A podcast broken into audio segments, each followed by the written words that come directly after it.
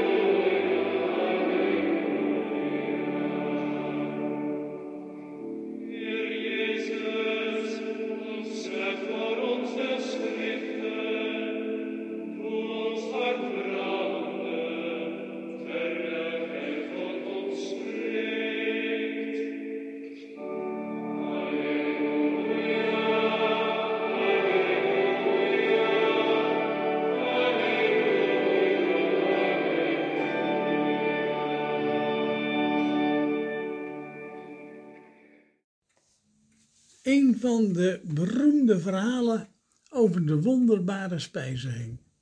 Je kunt zomaar 5000 mannen te eten geven en dan hebben de vrouwen en kinderen ook nog genoeg. Ja, je houdt zelfs genoeg over om het hele volk Israël met twaalf stammen te eten te geven. Iemand die dat kan, zou je direct wel tot koning willen uitroepen. Maar Jezus van Nazareth wil nergens en nooit eer van zijn werk. De eer komt alleen aan God toe. Maar snappen doet hij het wel. En daarom trekt hij zich alleen terug op de berg. Als er honger is en iemand geeft je te eten, dan kan dat diepe indruk maken. Oudere inwoners van West-Nederland weten nog heel goed hoe na de hongerwinter van 44-45 de bevrijders uit Canada, Engeland en Amerika kwamen met witte brood en chocola. Lang zou nog alle kritiek op de politiek van Amerika tot zwijgen worden gebracht met het argument dat ze toch maar naar onze bevrijders waren geweest. Maar waar zit het wonder van Jezus van Nazareth nu echt in? Neemt hij echt vijf broden en twee vissen om oneindig door te blijven preken? Dat staat er niet. De leerlingen denken dat alle, dat, dat alles is wat het eten is voor de grote menigte die hen is gevolgd. Maar als iedereen gaat zitten en deelt wat men bij zich heeft, blijkt dit veel meer te zijn dan men had gedacht. Je moet dus alleen samen willen delen. Als je de baas wilt blijven, dan lukt dat niet. Je opstellen als dienaar, jezelf uitschakelen en de ander voorop stellen. Dat is de weg van Jezus van Nazareth. En dat is ook de weg die je zult moeten willen gaan. Als, als we dat niet doen, dan zien we tot wanhoop gedreven hulpverleners in Afrika stiekem langs de kant van de weg stoppen om een hulpgoederen uit te delen. Dan breken de ziekte uit en sterven velen zonder dat dat nodig was. Op dit moment wordt op ons een beroep gedaan de honger in Afrika te bestrijden. Wij zijn rijk en zij zijn door misoogsten en klimaatverandering in de problemen gekomen. Volgen wij Jezus in het delen van het brood? Het verhaal over deze zogenaamde spijziging heeft overigens ook nog een paar verrassingen. Want waarom staat er eigenlijk dat het vlak voor Pasen is? Vlak voor Pasen heeft het volk Israël inderdaad een maaltijd, de Pesachmaaltijd. De Pesachmaaltijd van Pasen. Ze herdenken dan de bevrijding van de slavernij in Egypte. Dat feest valt samen met het begin van de gerstoogst. Gerst is de grondstof voor het brood van de armen. Van de gerst wordt het ongezuurde brood gebakken.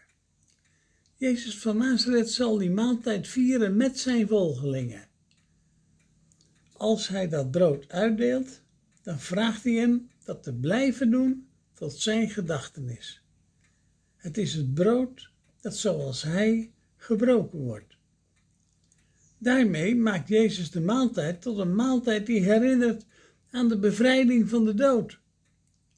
Die bevrijding krijgt gestalte in de opstanding. Het verhaal dat we vandaag lezen betekent dat we allemaal mee mogen doen. En mee mogen doen met wat we hebben. Vissen is, is er genoeg. De leerlingen van Jezus waren niet voor niets voor een groot deel vissers. Dat mochten zij uitdelen. En wat delen wij uit?